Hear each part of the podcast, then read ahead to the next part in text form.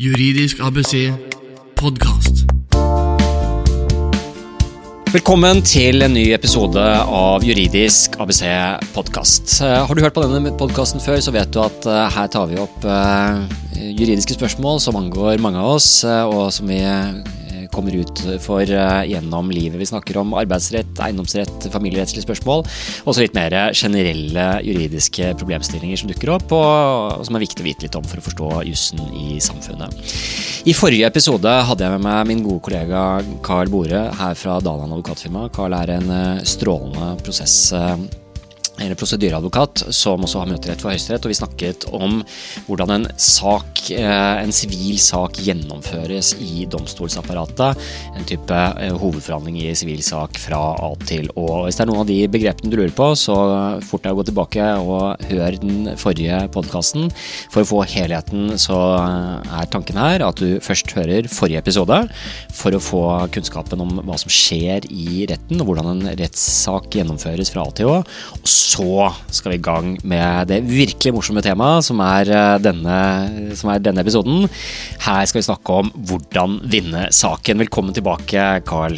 Tusen takk for det, Eivind. Og denne, dette temaet ser jeg veldig, veldig frem til å, å snakke, snakke, om sammen med deg. Ja, nå har vi gledet oss, og eh, vi skal prøve å eh, fjerne oss litt fra liksom, den klassiske jussen i forhold til hvilke lover vi snakker om, og bestemmelser osv. Selv om jussen alltid ligger der sånn, så skal vi nå komme med de virkelig gode triksene. Eh, kanskje ikke triks, egentlig, men strategier for hvordan du gjennomfører en sak og vinner en sak. Og da må vi begynne et sted. og vi skal, vi, skal, prøve å gå gjennom noen type punkter, hovedpunkter, som vi kan oppsummere oppsummere i en rekke med tips. Eh, men hvor begynner man? Hva er det viktigste å tenke på, tenker du Carl, i forhold til eh, å legge grunnlaget for et godt resultat i retten? Ja, altså Kort og godt, altså i uh, um, There are no shortcuts. Mm. I eiendom så sier man at uh, de tre viktigste tingene i eiendom, det er beliggenhet, beliggenhet, beliggenhet. Mm. Og innenfor eh, det å føre en sak, så er det de tre f-ene. Mhm. Forberedelse, forberedelse, forberedelse. Det er ingen triks. Do the work. Ja. Mm. Uh, og um, det er klart, en rettssak det er på en måte en rettslig strid mm. som um, utkjempes i en rettssal, verbalt, med dokumentasjon. Og, og ja, da kan det være f.eks. Uh, også se hen til Eh, en bok som heter The Art of War, som jeg har hentet litt inspirasjon fra, i hvert fall tidligere. Det er en kinesisk bok fra, egentlig fra 500 år før Kristus om eh, militærstrategi, men som senere har fått veldig stor utbredelse i moderne tid, og bl.a. innenfor næringsliv. Dette er veldig spennende. Kan du fortelle litt mer ja, om det? Dette er et verk som sagt om, i prinsippet om militærstrategi, men det er såpass generelt at man har, eh, det er mange som har også funnet mange gode poenger og ideer og prinsipper for å Eh, eh, møte utfordringer også i andre sammenhenger enn i krig. Mm. Og en av de eh, episke sitatene i denne boken er, følgende, som kanskje er kjernen i The Art of War, og det er Every battle is won or lost before it's even fought. Altså enhver mm. kamp er vunnet eller tapt før den blir utkjempet. Mm. Og, og, dette blir kommentert på følgende måte i litteraturen. This advice from The Art of War was referring to the preparation, positioning and planning that makes a difference in the success of a war. That and knowing when to refuse to fight. Så Noen ganger så mm. skal en god, eh, en god general skal vite når han ikke skal ta en kamp. Choose your battles. Yeah. Mm. In a preparation process, you have to carefully think through the entire scenario, including how, how you could win or lose, and how your opponent is likely to act before you engage in a pitch battle. Mm. This means prepare, prepare and prepare. Veldig, eh, eh, veldig, veldig, veldig viktig å bare få det helt klart med en gang. altså Forberedelsen er så viktig. Jeg, nå, nå, tenker du eh, eller du trekker parallellen her sånn til, til klassisk uh, kinesisk uh, litteratur. og Jeg blir sittende og tenke på Abraham Lincoln. Uh, han har jo også et sitat som går på noe av det samme, hvor han sier at Sitatet fins i forskjellige utgaver også, men den, mest, den, den vanligste den vanligste formuleringen er som følger Give me six hours to chop down a tree. tree um, and I will use the first for sharpening the axe. Som, eh, som jeg også bruker på, på kurs ofte i forhold til akkurat det samme. Um, jeg er jo arbeidsrettsadvokat, og da har man disse oppsigelsessakene. Man skal ha drøftelsesmøter osv., som jeg snakket om i andre episoder. og Da er det dette med forberedelse, forberedelse, forberedelse, dokumentasjon, dokumentasjon, dokumentasjon. Uh, så det er så bra du tar den parallellen også i forhold til det generelle i forhold til å vinne en sak. Uh, det, er liksom, det, det, er ikke noe shortcut, så det er ikke noe sånn uh, magisk pille å ta. Absolutt ikke. Det er godt gammeldags håndverk og gode forberedelser er det som gjør ja, grundig, grundig og, og, og, bred forberedelse. og Uh, og, og, det sitatet du var innom, det, det, er, det er jeg veldig enig i, og det er det, det er det, det handler om. Og, for å konkretisere det litt mm. mer nå, i forhold til hva er det vi egentlig gjør når vi forbereder saken, ja, så er det før vi vurderer materialet vårt, mm. så må vi innhente materialet vårt. Mm. Så vi har først en innsamlingsfase på bevis. Vi søker etter dokumenter. Eh, snakke med personer som kan være aktuelle vitner, snakke med egen klient. Innsamling av mest mulig relevante bevis. På lignende måte så, så, undersøker vi rettskildene og innsamler i prinsippet da mest mulig relevante dommer, lover osv. Jeg bare, unnskyld, jeg bare fortsett nå. Ja. Dette la vi, la vi, være med i innspillingen. Det er bare så det er så morsomt, fordi nå sitter vi og snakker om hvordan vi skal vinne en sak, og så hører jeg det skrikes ute på gangen. Jeg vet ikke om mikrofonene tok det med. Eh, og så ser jeg det på mail her, sånn det er noen som har vunnet en sak. Sånn at uh, det er jo her, er det, her, her, er vi midt i, midt i kampsonen her vi sitter på kontoret til Dalland også. Men, og beklager, det var ikke meningen å, å sende deg av, av sporet her. Sånn. Vi snakker om forberedelser, og vi snakker om hvordan vi skal vinne en sak. Det bare syns det var, var litt, litt herlig herlig. Men tilbake til, eh, til, der vi er. Vi snakker om de konkrete forberedelsesstegene. Ja, men altså når det, du snakker om en sak som vinnes her, altså det, det, er, eh, det, er er, det er lite som er så fantastisk og givende som advokat som å gå i retten, gjennomføre en god sak og vinne den. Men det er ikke mulig uten, uten å gjøre et skikkelig forberedelsesarbeid. Um, du skal sortere ut hva som er viktig fra mindre viktig, mm. men da må du først finne materiale og lete bredt. Ja. Før du begynner å sortere.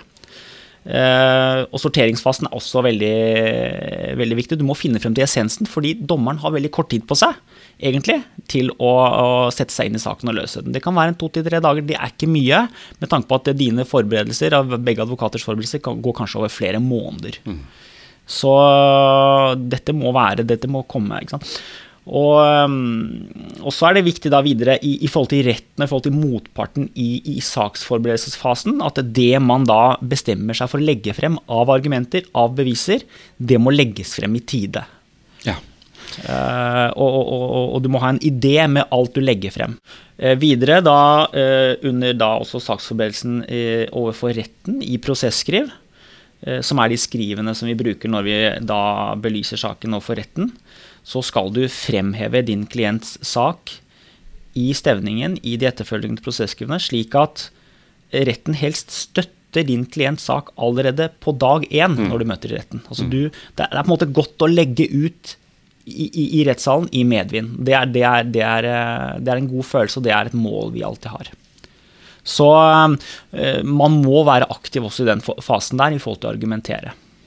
Så det er, eh, for, altså det, er, det er, grundighet og det å, å, å, sortere ut eh, hele tiden, og liksom å finne alle de, de bevisene og den argumentasjonen og logik, logikken eh, som tilsier at dette bør Her bør dommeren sitte og, om ikke rent fysisk, i hvert fall mentalt nikke når han leser eller hun leser gjennom dokumentet. Det er mye feeling, og det skal komme på en måte som en rød tråd som perle på en snor når du leverer det. Mm. Det skal virke veldig enkelt og lett å forstå hva saken din går ut på.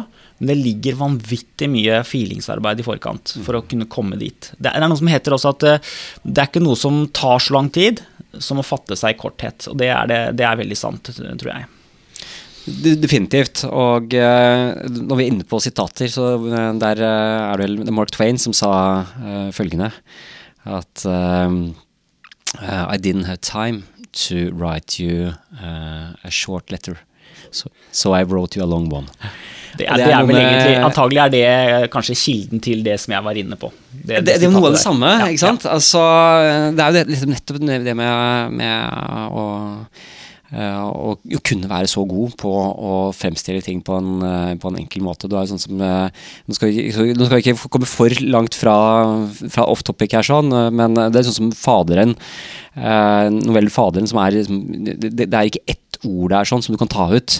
Den er, den er, den er perfekt i, i, lengde, eh, og likevel eh, så har den da hele altså, den, den, er så gjennomtenkt og henger så godt sammen og, og står selvfølgelig eh, som et uh, viktig i, i, norsk litteratur.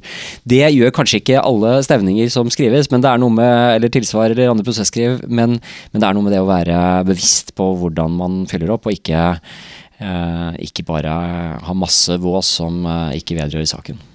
Ja, altså mitt mål under saksforberedelsen er skaff mest mulig materiale først, mm. og deretter ta bort mest mulig av det. Rett og slett ha fokus på det ja. som gjør at uh, det er Og Da er vi på en måte over i neste punkt som jeg vil gjøre også, det er på en måte, og det går på forberedelse. Men igjen, eh, snu hver stein mm. i saksforberedelsen. Mm. Altså Sjekk hvert eneste dokument som du tenker her kan det hende det ligger noe. Du får et tips fra klienten eller fra den andre. Sjekk i den boken eller det registeret eller, eller eh, sånne ting. Um, man kan det, det, hender ofte at man på forhånd har en sånn følelse at her er det lite sannsynlig at jeg finner noe.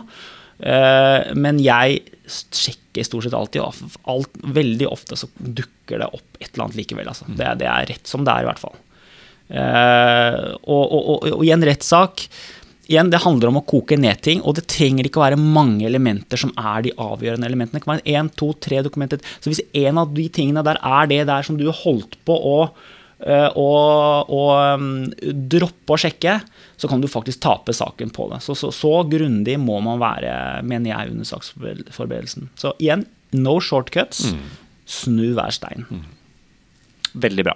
Da eh, tar vi det med det på listen vår, og så har vi da punkt én, forbered deg skikkelig. Punkt to, snu hver stein. Hva er punkt tre? Eh, ja, det er eh, å beherske faktum. Altså få det inn under huden ordentlig? Ja, det er, I en sak så er det etter hvert eh, veldig mye dokumenter. Du må se den røde tråden i hendelsesforløpet. Mm. Um, du må, og, og, liksom, og, og, da er det det å kunne faktum eh, liksom, på rams. Mm. Um, studere alle dokumenter, vite hva som er viktig i alle, som kan være til fordel for din klient, som kan være til uh, ulempe for din klient det er alfa og omega. Så den som kjenner faktum best, vinner som oftest også saken. Mm. Den som bruker for kort tid til å forberede, han vil slite i retten. Um, og, er, og, og, når du først kjenner faktum best, så er du også i stand til å presentere det logisk, mm. oversiktlig og kronologisk. Mm. Uh, og du er også i stand til å Eh, når det oppstår uventede ting, og, og, og, som kanskje er til ulempe for din klient underveis, det kan være en vitne som plutselig sier noe uventet, eller eh, kanskje motparten finner et eller annet i dokumentene som, som, som, du ikke har tenkt på. Hvis du vet hva saken egentlig handler om, hva som har skjedd, så klarer du fort å rette opp skuta igjen. Mm. Det er på en måte Du må vite Du må kjenne landskapet ditt. Så det er behersk faktum. Og lite er verre, altså, enn kanskje enn en advokat som står og roter i papirene mens dommeren eh, venter utålmodig i retten. Det er ikke så bra. Vi sitter og tenker litt på det. Med, eh, I forrige episode så snakket vi om eh, da, de forskjellige sekvensene i en sak, og da sa vi det at innledningsforedrag det første som, man, som advokatene har. Uh, foredrag. Det er jo et foredrag, og, hvis du skal holde et foredrag, så må du kunne det du holder foredrag om. Det ja. sier seg jo selv. Ja. Uh, det er klart at Da er vi et godt stykke ut i prosessen, men det er jo det å vinne rettssaken som er viktig her. sånn, Og, det, og, innledningsforedraget snakket om det. Det er viktig, uh, for det er et, liksom, da begynner å bygge grunnmuren for fremstillingen i retten. og og da må du rett og slett kunne saken din. Altså. Ja. altså det, kan være, det, kan være, en siste bisetning, en siste komma, eller uh, en tekst med liten skrift som kan være det som, uh, som, er forskjell på om tua velter eller ikke. Ja, For det er ikke bare i Donald, dette med uh, liten, uh, liten, skrift i kontrakten. Det kan være i virkeligheten ja, det? Ja, ja, ja. Det kan være viktige forbehold. Og, og, så Hvis du da liksom bare tenker ok, nå skal jeg bare sette meg inn det viktigste, og så, stunter, så stunter man det i retten, det, det er ikke sånn det, det, det, blir helt feil, og sånn skal ikke klienter behandles.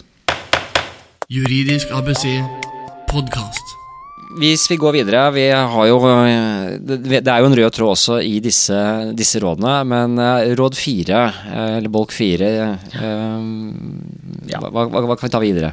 Det er da forbered parts- og vitneforklaringer.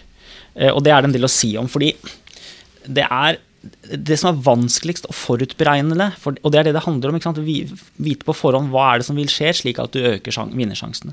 Det vanskeligste å forutberegne en rettssak er hva parter og vitner vil komme til å si når de sitter i den vitneboksen. Mm. Så jeg pleier å si at jeg er mer glad i papirer enn mennesker. Mm. Eh, i, når vi snakker om rettssak, selvfølgelig. Ja, ja, ja, men det er et godt sitat. og fordi folks forklaringer har en tendens til å liksom eh, vri, vri og endre på seg. Ikke minst når når folk havner i en retts, rettssal og blir litt usikre, usikre, i den.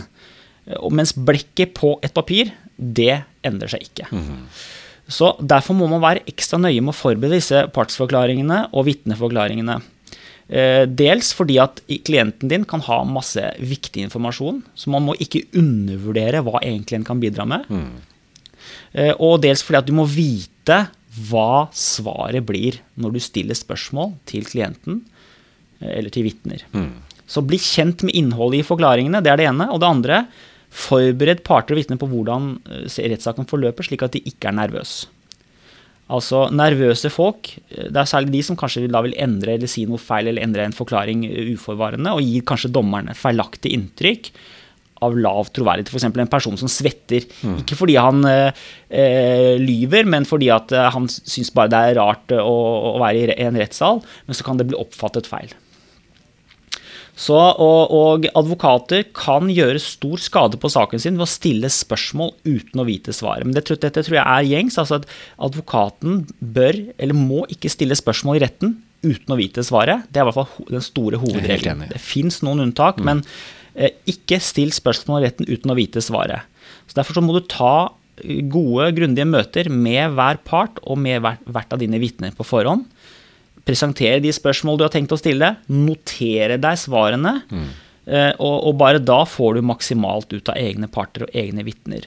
Dette er jo ikke så ja, Unnskyld at jeg men det, det, det, dette er jo ikke intuitivt. Altså fordi, for, for, mange så vil jo det jo at du skulle liksom ha vært gjennom alle spørsmål og svar i forkant, det, virker jo litt sånn rart. Eh, men, men, men dette handler jo igjen og da om forberedelser, sånn at du kan ha kontroll over flest mulig faktorer. og Det er vel kanskje noe av det som ligger der. Det at, at en, en rettssak den kan leve litt sitt eget liv.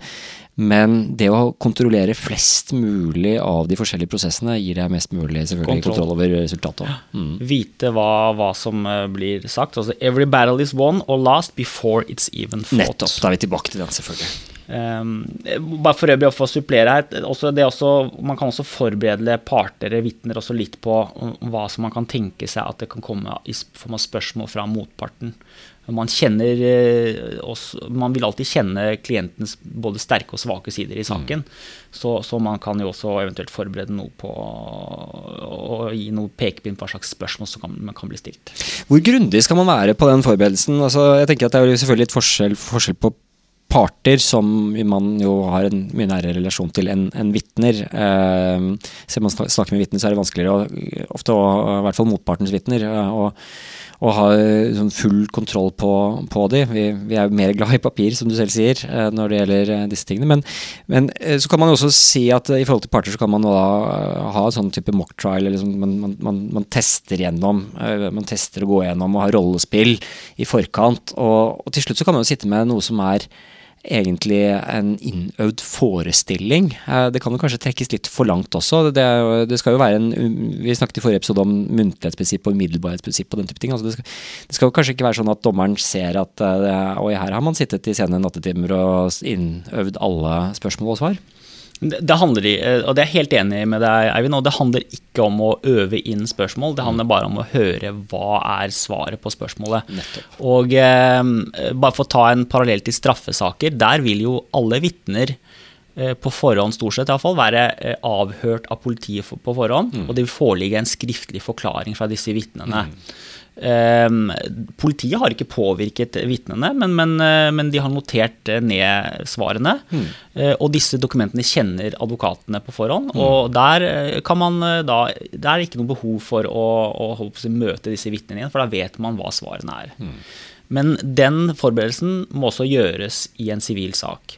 Men eh, det å begynne å gå over til å lage eh, si, testrettssaker og, og, øve og slipe på spørsmål og sånn, det er eh, i strid med det er i strid med rettsreglene hvordan saker skal føres, men dette vil også fort bli avslørt av dommerne. Så det, er en uekte, det blir en uekte forestilling, og, og du vil tape saken på det. Så det er en risiko som du ikke skal ta, og det er også ulovlig, så det er eh, absolutt ingen grunn til å gå over i det sporet i det hele tatt. Så da, øh, som, som med så mange andre ting her i verden, så er alt med måte her også. Ja. Så man, man snakker med vitnet, man stiller spørsmålene, man har en god oversikt over hva de skal si. Man, Mm. man vet eh, svarene på spørsmålene, det ligger i, i tipset her sånn. Eh, Men man drar det ikke for langt. Man har ikke, det, er, det er ikke et skuespill man setter opp. Nei, det, det vil klienten din bare tape på. Ikke sant. Det er forskjell på det arbeidet de gjør med egen part, egne vitner på den ene siden, og motpartens part og vitner. Ehm, der kan det være litt ulik praksis, men personlig, og jeg ser vel at stort sett så blir ikke motpartens eh, part og vitne kontaktet av advokaten. Jeg tror ikke det er noe lurt, fordi du, du kan ødelegge et overraskelsesmoment ved å ta opp dine spørsmål på forhånd. Så jeg foretrekker å ikke gjøre det. Det er veldig avhengig av saken også, selvfølgelig. Ja. Det er klart at Noen ganger kan det være gode grunner til det, og andre ganger så kan du avsløre hva du, hva du planlegger. Ja, og så er det litt sånn det er, det er ikke noe, Der er det kanskje litt mer variert eh, hva folk gjør, men, men eh, jeg, jeg er veldig tilbakeholden med det.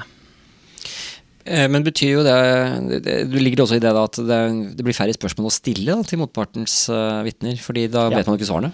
Ja, du skal altså da ikke stille spørsmål i retten i utgangspunktet uten at du vet svaret, og dermed så skal du i utgangspunktet eh, være veldig forsiktig i hvert fall med, å, med å stille sp spørsmål til motpartens part og motpartens vitner. Altså da, da er vi over i det som heter krysseksaminasjon. Altså når, når du holder på å si den fiendtlige advokaten skal stille spørsmål til, part, til en part og et vitne. Ehm, bør man være veldig forsiktig med, fordi at eh, er, altså disse, disse da som på en måte er på den andre siden, har en tendens til å avgi sånne svar som, som, som kan ødelegge for din klients sak. Eh, de har kanskje svart på et spørsmål fra sin egen advokat som, som ikke passer din klient, og så borer du inn i det, og så kan de kan de gjøre problemet, det negative for din klient, enda tydeligere ved at du etterpå går inn og borer i det. Uh, uh, men det, så når det gjelder krysseksaminering, der er det også litt forskjellig, men jeg, jeg er ekstremt forsiktig. Jeg tror mange også er ekstremt forsiktige med det. Når det gjelder krysseksaminering, det jeg gjør, er først og fremst at jeg bare setter meg ned og lytter skikkelig godt til hva, det har, hva de sier. Og hvis det gjøres et feilgrep, så kan jeg ta opp det med et spørsmål eller to. Men, men, eh, men bare lytte. fordi at eh, når man sitter og snakker muntlig i retten, så, så, så, så har man en, Folk har flest har en tendens til å gjøre et, si et eller annet feil, og det kan man ta tak i. Men man, man vet ikke på forhånd hva det blir. Så lytt, og, og, og bruk eventuelt noe som kommer opp til å stille spørsmål. Og det er litt viktig, tenker jeg, for de som hører på dette og kanskje er involvert i en eh, rettssak, eller man har vært det, og så har egen advokat vært eh, veldig forsiktig med motparten, eh, både parten og vitnet til motparten, og man kan være frustrert over at advokaten min stilte jo ikke alle de spørsmålene jeg ville ha den til å stille, og hadde, de har sett for seg og drømt om en sånn knusende krysseksaminering hvor motparten smelter eller faller sammen eller bryter ut i gråt og alt dette som vi også var inne på i forrige episode, for så vidt. Eh, Men, men det, det er drama på film, og ikke nødvendigvis en god strategi for å vinne en norsk rettssak. Det, det er høy risiko. Det er høy risiko. Og, og jeg er helt fullt klar over, Eivind, det, er, øh, det hender rett som det er at parter sier, spør hvorfor det ikke ble stilt flere spørsmål til, til den andre sides øh, parter og vitner, men det er fordi at det er risikosport øh, de luxe.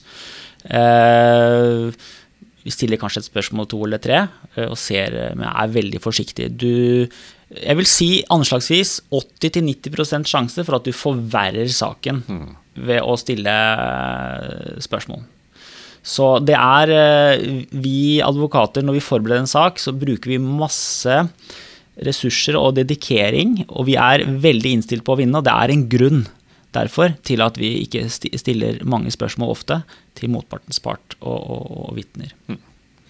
Så med mindre det er at man, man sitter og har hørt eh, på forklaringen, og man hører at motparten lyver, og man sitter kanskje med et bevis, eh, et godt bevis som man kan ta og kontre det man har en sånn type situasjon. Ja. Eh, Men, men du skal, liksom, du, du skal Ja. være der før du begynner å dytte hardt på motparten. Du kan tenke deg at eh, det er jo masse dokumenter i en sak, og eh, si den våte drømmen her vil jo være et vitne, motpartens vitne som uttaler seg i strid med et dokument som ligger i saken, og da kan du selvfølgelig bare ta frem dokumentet og si ja, hva er det du mener, det Mm. Ja. står noe annet her, det må jo være feil. I brevet fra 14. det du har august i fjor, der står det sånn og sånn. I brevet så står det jo noe annet.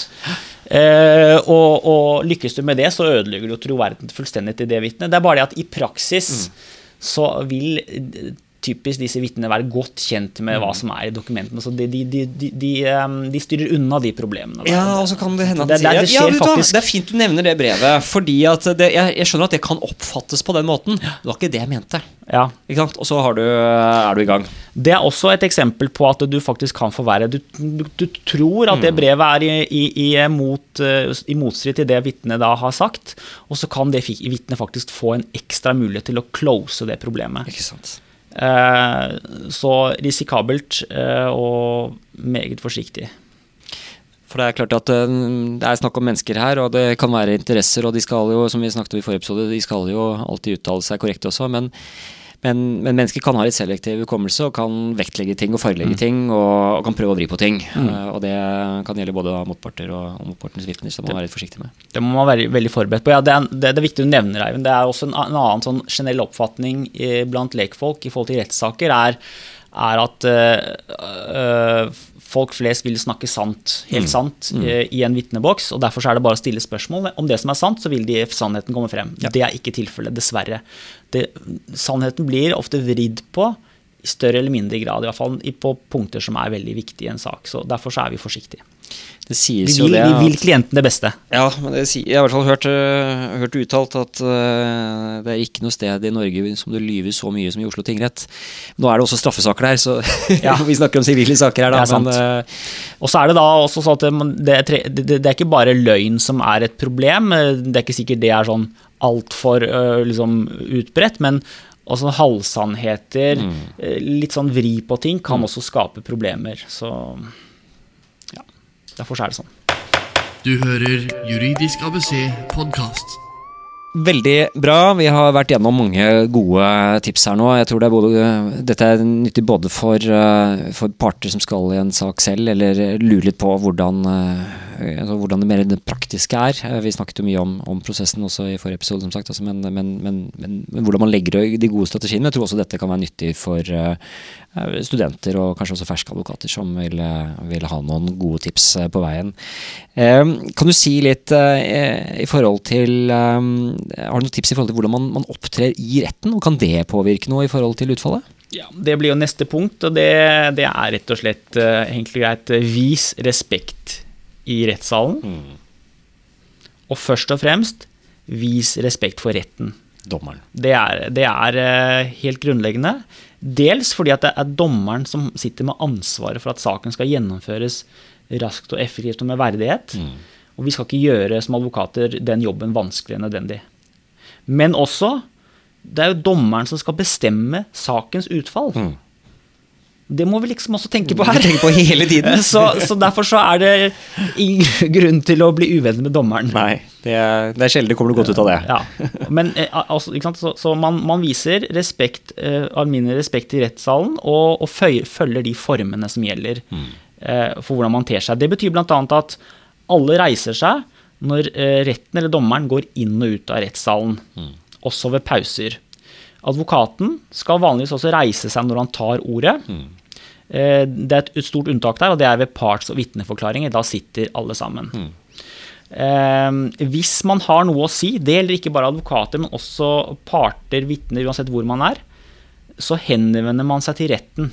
Eh, en typisk feil med lekfolk i vitneboksen er at man begynner å snakke med advokaten sin, eller man skal høre på advokaten som stiller spørsmål, og svare på spørsmål, men man skal eh, eh, strengt tatt henvende seg til retten og gi spørsmål til dommeren. Se på dommeren. Også litt sånn i forhold til det der når man sitter i retten der, i hvert fall noe jeg har kjent på selv. Altså det, det er mange parter som kan bli veldig veldig ivrige. eh, Og det å sitte og kommentere, hviske høy, sant, sånne høye kommentarer 'Det nå lyver han!'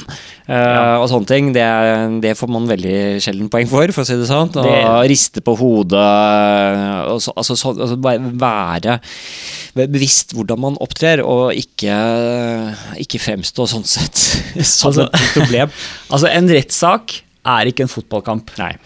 Så eh, det blir veldig fort Man kan godt prøve, men det blir veldig fort slått ned på. Altså, det gjør ikke inntrykk på dommeren i det hele tatt at man kommenterer når man ikke har ord og hvisker og den type ting. Heiagjeng som eh, Ja, sitter på og, eller- som tilhører, er heller ikke type buing, liksom. Ikke, ikke at man buer, men at man på en måte henvender seg til egen advokat og kommenterer og hvisker og tisker på en negativ måte, så at det måte fremstår som en sånn mis, at man er uenig. Det gjør ikke inntrykk. I det hele tatt. Så, så det går også på de reglene, som man, de tingene man skal holde seg unna i, i retten. Eh, Selvfølgelig så kan det være behov for at man kommuniserer med, med advokaten, men man har jo pauser. Eh, og det, eh, det man noen ganger ser, er jo eh, klienter som skriver 100 Post-It-lapper med eh, nei, og det er feil, og han lyver, og, ikke sant, og, sånn, og bare egentlig sitter og forstyrrer advokaten sin. Eh, Advokaten sitter jo og har jo også, skal jo da ha gjort disse forberedelsene vi snakker om. Skal ha, ha lagt hele det grunnlaget på forhånd. og og, skal jo sitte med nok informasjon til at han kan ta sine egne notater. At man får hatt riktig fokus, og at man har god si, studieteknikk. Fordi at det som sies av parter øh, og vitner øh, her, sånn, hvis vi er på den, på den delen nå, øh, det skal jo inn i prosedyren, som vi snakket om i, i forrige episode. Og det er klart at øh, det er viktig at ting blir, blir absorbert på en skikkelig måte av advokaten, òg. at det ikke blir for mye forstyrrelser. Ja.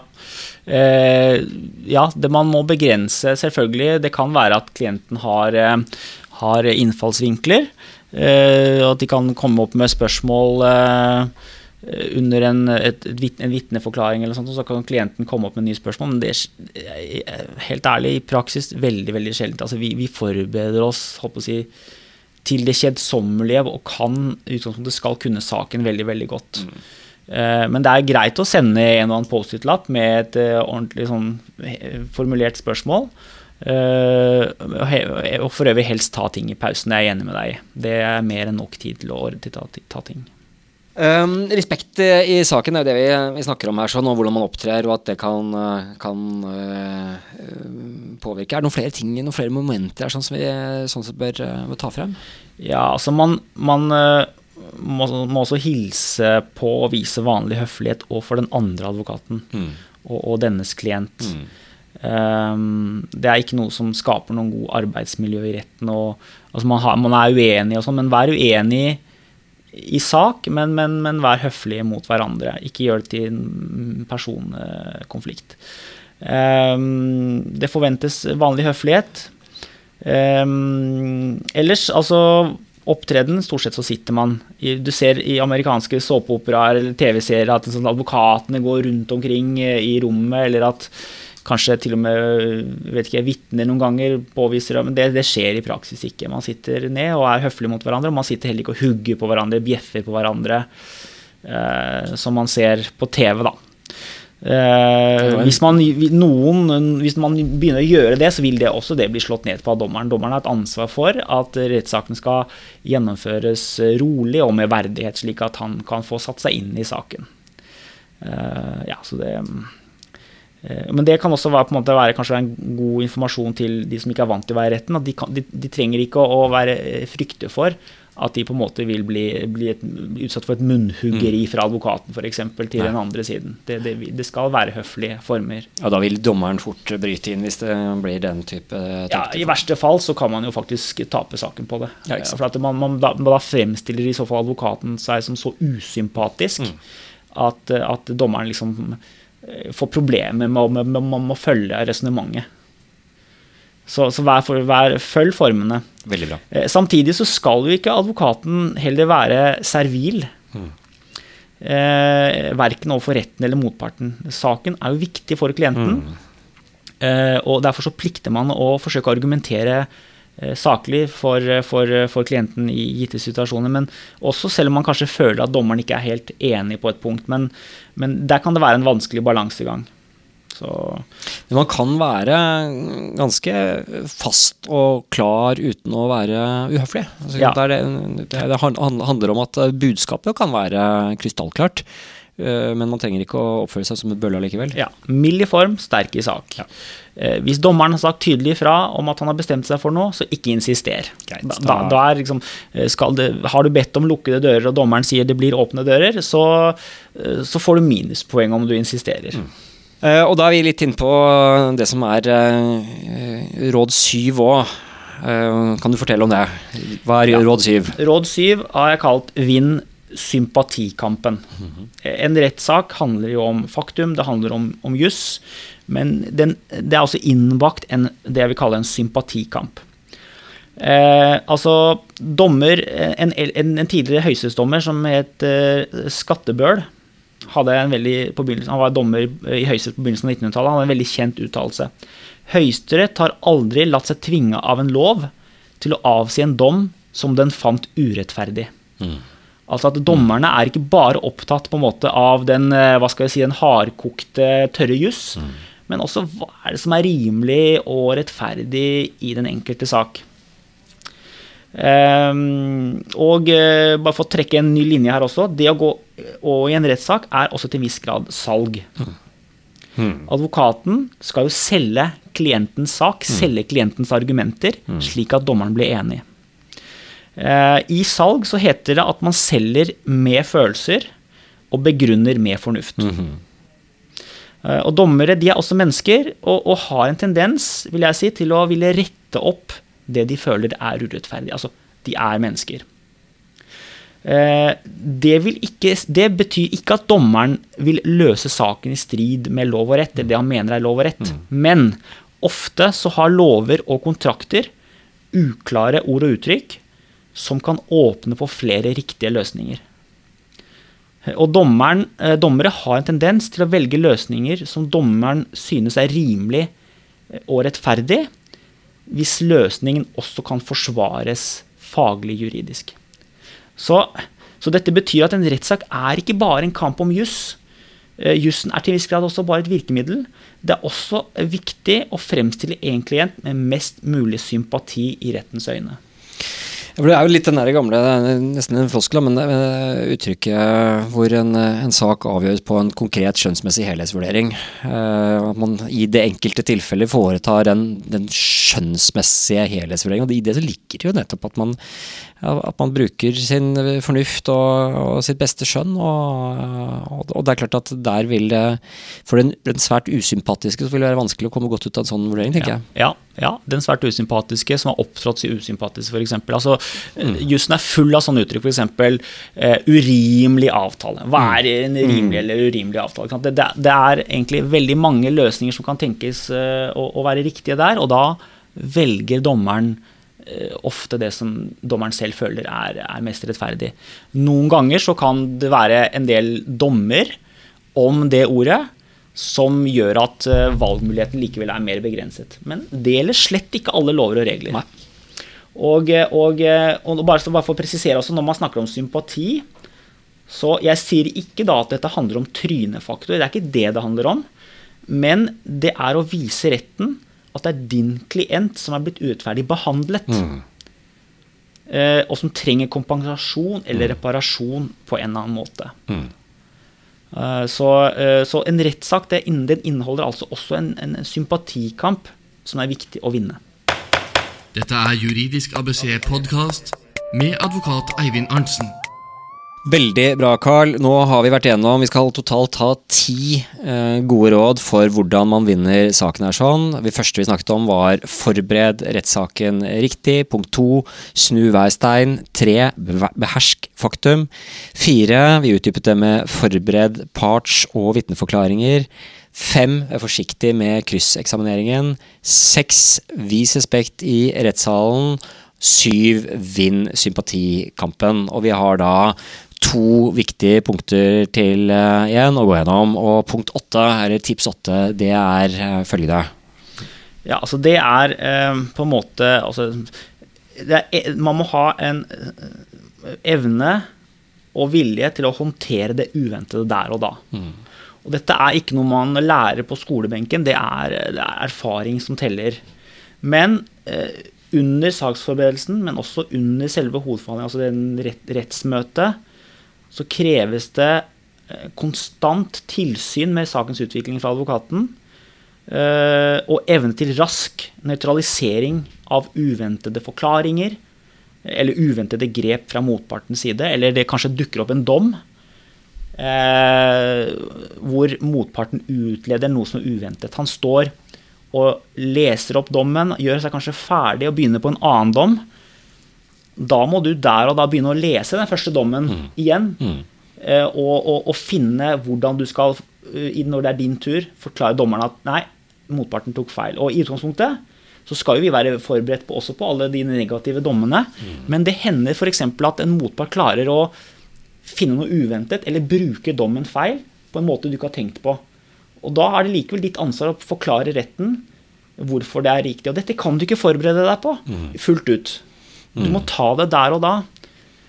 Jeg tenker at Den beste forberedelsen der er vel kanskje dels å være forberedt på at noe kan komme. altså Bare sånn Ja. mentalt. Ja. det å prøve å, altså, å være kald når det skjer, og prøve å holde hodet kaldt. Og, og jo mer forberedt du er på at det kan dukke opp, jo, jo mer er det, er det lettere å håndtere det. Og ikke minst det som jo var det innledende tipset her, sånn, det, og som har vært en, en rød tråd også, det med gode, veldig gode, grundige forberedelser. Altså, jo mer du kan faktum, eh, jo lettere er det også å håndtere den type ting. Eh, Jo mer du kan jussen, at den også er godt forberedt, jo lettere er det å kontre det og f.eks. si at eh, den er jo ikke relevant i forhold til saken. Den er ikke, den er ikke en av de sentrale dommene på, formålet, eller på området. Altså det at du kan, kan, kan raskt kontre litt på den måten, gjør vel at det er Ja. lettere å møte det. Definitivt. Men det er klart at her er, handler det litt om å enten er du musikalsk eller så er du ikke musikalsk. Så har du, har du anlegg for det eller ikke. Men, eh, men de fleste advokater kan jo dette til en viss grad, i hvert fall. Jeg er helt enig, Eivind. Det er en kombinasjon av erfaring og av grundige forberedelser. F.eks. Eh, en dom eh, som kom, hvor det kommer noe uventet knyttet til en dom fra motpartens side. Hvis du da, altså Dommer kan være veldig lange, det er umulig å huske eh, hver punkt og prikke i en dom. Men hvis du kjenner dommen fra før av og vet sånn i hovedtrekk hva den handler om, hva som er hovedpoengene, så kan du mye lettere skanne den der og da og finne den eller de avsnittene som gjør at du eh, liksom får eh, nøytralisert og slått i hjel argumenter fra, fra motparten. Og da kreves det forberedelse. Ikke sant? Så, så helt enig, enig med deg i det. Juridisk ABC podkast. Og da har vi kommet til punkt ni. Hva er det niende tipset? Det niende tipset, eller punktet, er finn frem talegaven din under prosedyren. Altså Prosedyren er jo den siste sekvensen i en rettssak, hvor man er ferdig med å gjennomgå dokumenter, gjennomgå forklaringer, og man skal, advokaten skal sammenfatte saken. Og det er jo en del, si, en del ting å si rundt, rundt prosedyren. Helt kort hva det er, jeg kan bare oppsummere fra forrige del av podkasten. Ja. Altså, man skal kort Man skal da kommentere faktum. Eh, svekke motpartens bevis og forklare hvorfor dine bevis er viktig. Man skal også redegjøre for lover og dommer som støtter din klients sak. Men du skal holde deg til sakens kjerne. Dommeren kjenner nå saken godt. Ikke trøtt ut dommeren med for mye detaljer i alskens dommer og dokumenter og vitneforklaringer. Gå rett på sak.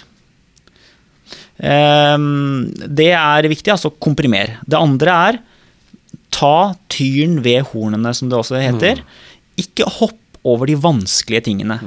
En sak har alltid eh, positive elementer for din klient og negative elementer. Det kan ha kommet negative ting frem. Eh, ikke hopp over det. Da eh, tar du en shortcut, og du kan risikere å tape. Hvis motparten har fokusert på handlinger eller dommer som er negative, hvordan skal du håndtere det? Så, ø, som er negative for din klient, så innrøm gjerne da i retten at de er negative. Men forsøk å avdempe det negative inntrykk på en eller annen måte. Ehm, det er første skritt, og deretter forklar hvorfor dette uansett ikke skal være avgjørende for sakens utfall.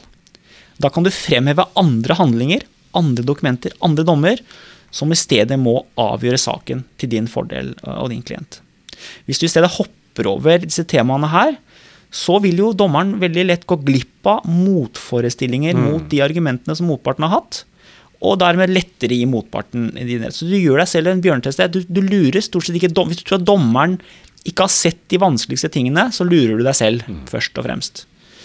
Så, og så igjen, sånn no shortcuts. Ikke juks. Ja, no mm. shortcuts. Mm. Det er ikke noe ulovlig for så vidt å ikke kommentere det, men du, du, risikerer å tape saken. Og det er på en måte hele poenget her, å vinne den. ikke sant?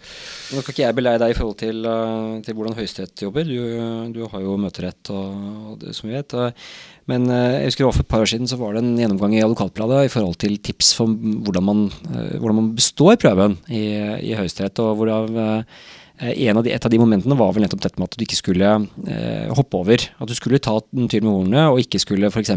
jukse med sitat. At du, eh, du, du, du, bare leser halve avsnittet, for det er det som støtter din sak, og så hopper du over den andre delen. Eh, da vil motparten eller dommeren avsløre deg, og så, så fremstår du egentlig som en tosk. Mm. Sånn at, eh, og da, I forhold til Høyesterett så, så, går det ikke så veldig bra. Men, eh, men, men, det gjelder jo selvfølgelig også i, i tingretten eller lagmannsretten, akkurat samme prinsipp, ja, tenker jeg. Det er helt riktig. og derfor Derfor er det riktig at Høyesterett også vektlegger det momentet en del når de vurderer eh, om man skal bestå prøven. Altså at man, man går inn i alle de vanskelige tingene. Mm. Så, um, ellers så nevnte jeg i sted dette med sympatikampen. og der, mm. Den skal du slå, slå liksom fullstendig fast i prosedyren. Mm. Vinne den, underbygge hvorfor din klient kort da er blitt urettferdig behandlet og trenger domstolens eh, beskyttelse. Eh, og så er det et annet element her, altså det, det er litt med rekkefølgen her også. Mm. Eh, det er jo alltid sånn at det er saksøkerens advokat som starter med prosedyre, og så er det saksøktes advokat som har sin prosedyre etterpå. Mm. Og Sånn er det for så vidt i de andre sekvensene. Innledningsforedraget, øh, forklaringene. Mm. Og da er det viktig at, tror jeg, at den advokaten som prosederer sist, eller som skal avhøre et vitne sist, eller som skal ha innledningsforedrag sist, at han ofte fraviker sin egen plan i begynnelsen, og i stedet starter med å rive ned det viktigste mm. i det som den forrige advokaten har sagt. Mm. Det gjelder spesielt i prosedyren, hvor liksom du får totalbildet. Der får du liksom essensen, de aller beste argumentene fra den første advokaten. Det må du ta tak i og ta brodden av med en gang, så ikke dette ligger liksom og, og, og, og stinker mm. når, du, når, du, skal prøve å snu, snu, snu eh, saken. Så ikke la motparten først ta saken fra A til Å og forklare og, og, avslutte med å hamre inn alle de gode ja. pengene, og så begynner du liksom pent og forsiktig ja. med Det hele begynte jo med, ja. men heller eh, at jeg, jeg, vil, jeg, vil, bare begynne med å ta noen av de, eh, de største feilene motparten gjør, og så bang, bang, bang. Ikke bare at skal du ta tyren ved hornene, mm. men du skal gjøre det med en gang. Ordentlig. Mm.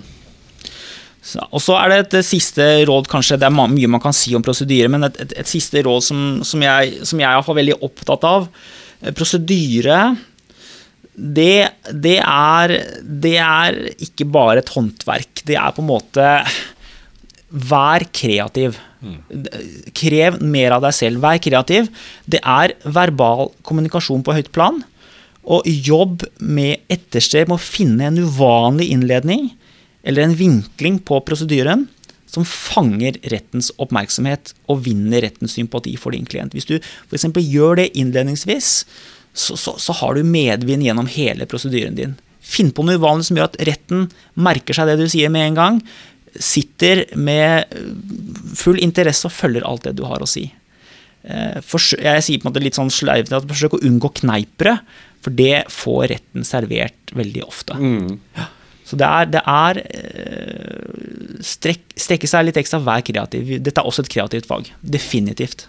Når man er eh, i prosedyren, så har man eh, jo vært i retten i flere dager. Man kan være ganske sliten, så det er klart at da er det også viktig at, at, du ikke bare står og leser opp en, fra en disposisjon, og, og at det blir, det blir, tørt og kjedelig, men at du, at du har denne tingen som X-faktoren som gjør at folk skal lytte til deg, og at du har de gode argumentene, og at du Ja, Veldig godt poeng. Vi må jo huske på at uh, det er ikke bare advokaten og partene som er slitne etter flere dager i retten, men dommeren kan også være veldig sliten og trenger en energiboost. Mm. Og, og, og, og, igjen så kan vi også trekke en linje tilbake til dette med forberedelse. Denne vinklingen, denne gode vinklingen den skal du helst ha da klar på morgenkvisten når du møter i retten. Så skal det ligge i ditt manus uh, og klart til bruk når du kommer til din prosedyre. Og apropos ting som tar tid, eh, vi bruker jo også tid når vi, eh, vi sitter her. Eh, vi begynner å nærme oss en, en, time nå også. Vi har vært gjennom ni hovedpunkter i forhold til hvordan man kan gjennomføre og vinne en, en rettssak. Hva er det tiende og siste rådet du har, Carl? Altså det, er, det tiende rådet er å velge riktig prosedyreadvokat.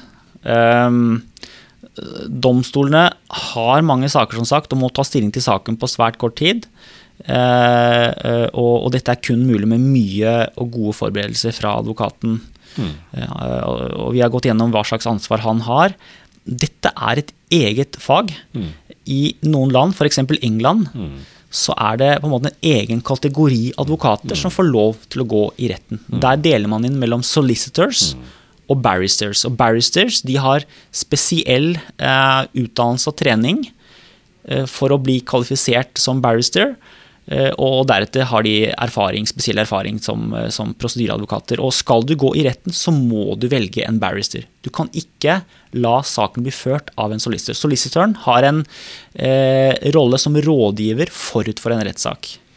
I Norge så kan alle, alle kan kalle seg skrankeadvokat eller prosedyreadvokat osv., men vi, har, vet jo at det er mange advokater som jobber særlig innenfor finans øh, og, og forretningsjus som øh, ikke har sett en rettssak eller rettssal etter at de fikk bevilgningen. Mens ja. Øh, andre som er på kontor, går vi jo jevnlig i retten og, og, og, har en del saker hvert år. Ja, og, og, den første kategorien advokater nevnte der, de kan være knakende gode advokater innenfor ja, ja. sitt felt. Det kan være utforming av kontrakter, gjennomføring av transaksjoner. Men altså, de har ingen da kanskje erfaring med å gå i retten, og det er et eget valg. Det vil være en stor ulempe. Mm. Uh, hvis du vurderer en advokat uten prosedyreerfaring, så kan du spørre deg om du, liksom, du kunne latt deg operere av en lege uten operasjonserfaring, mm. eller om du ville satt deg i et fly med en pilot uten flyvererfaring. Det kan jo gå bra, mm. men, men, du bør også vurdere hvor viktig saken din er. Uh, personlig så mener jeg at prosedyre det er noe av det vanskeligste vi, eller iallfall jeg, gjør som, som, advokat. Og det skal så lite til, det er så mange punkter man kan gjøre feil på, det skal så lite til for å ødelegge en sak. Og Derfor så kreves det veldig mye som vi har vært gjennom, men, men bare for å oppsummere noen få punkter. altså Det kreves god erfaring med prosedyre. Det holder ikke at du er advokat, du må ha erfaring med prosedyre. Du må være veldig grundig. Du må være utholden fra start til slutt. Jeg, jeg, jeg, noen ganger så føler jeg at det er på en måte som en maraton. Mm. Du må liksom holde trykket oppe fra stevningen blir sendt inn, og helt til du leverer saksomkostningsoppgave i siste dag, og retten, hever, retten heves. Eh, du må være dedikert. Dette er ikke en 9-4-jobb. Og, og til sist så må du være da Du må ha gode kommunikasjonsevner. Evnen til å fange interessen verbalt under innledningsforedraget, under prosedyren, kommunisere godt med dommeren og med vitner. Skape tillit.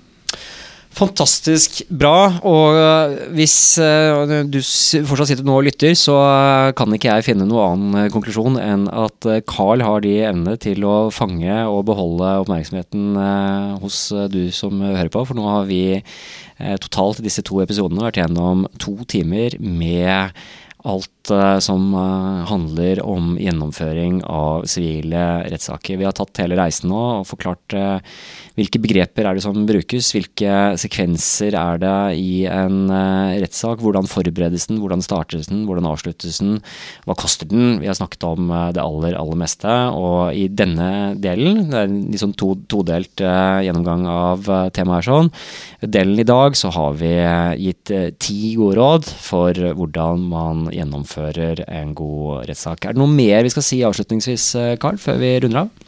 Jeg tror vi har vært innom det meste, Eivind, men det har vært, uh, hvert fall vært veldig hyggelig å, å, være her og få snakke med deg om dette, som er noe som vi er veldig opptatt av til daglig, og som vi brenner for. Veldig bra, og da sier jeg tusen takk for at du var med oss, eh, Carl. Carl Bore her i dag, og det er klart at er det noen som har spørsmål knyttet til dette, så har de skjønt nå hvem de skal snakke med. Du som hører på, hvis du har hatt glede av podkasten, så setter vi alltid stor pris på å få litt tilbakemeldinger. Enten send oss en e-post på post.juridiskabc.no, eller, og det er vel så hyggelig og også veldig viktig, gå gjerne inn på iTunes og legge inn en rangering av oss der. Jo flere som legger inn stjerner og kommentarer på iTunes, eh, jo lettere vil vi være synlige synlig i iTunes, og da vil vi få flere lyttere, og da er det lettere å bruke mer tid på å lage flere gode episoder eh, av Juridisk ABC-podkast. Men der runder vi av for i dag, og sier tusen takk for at du hørte på. Du har hørt Juridisk ABC-podkast. For mer informasjon om dagens tema, se juridiskabc.no. Her finner du flere podkaster og artikler innen arbeidsrett, eiendomsrett, familierett og temaer for deg som driver egen virksomhet. Meld deg på vårt nyhetsbrev på juridiskabuseet.no. Produsert av Øystein Weibel og Kanonlyd. Kaboom!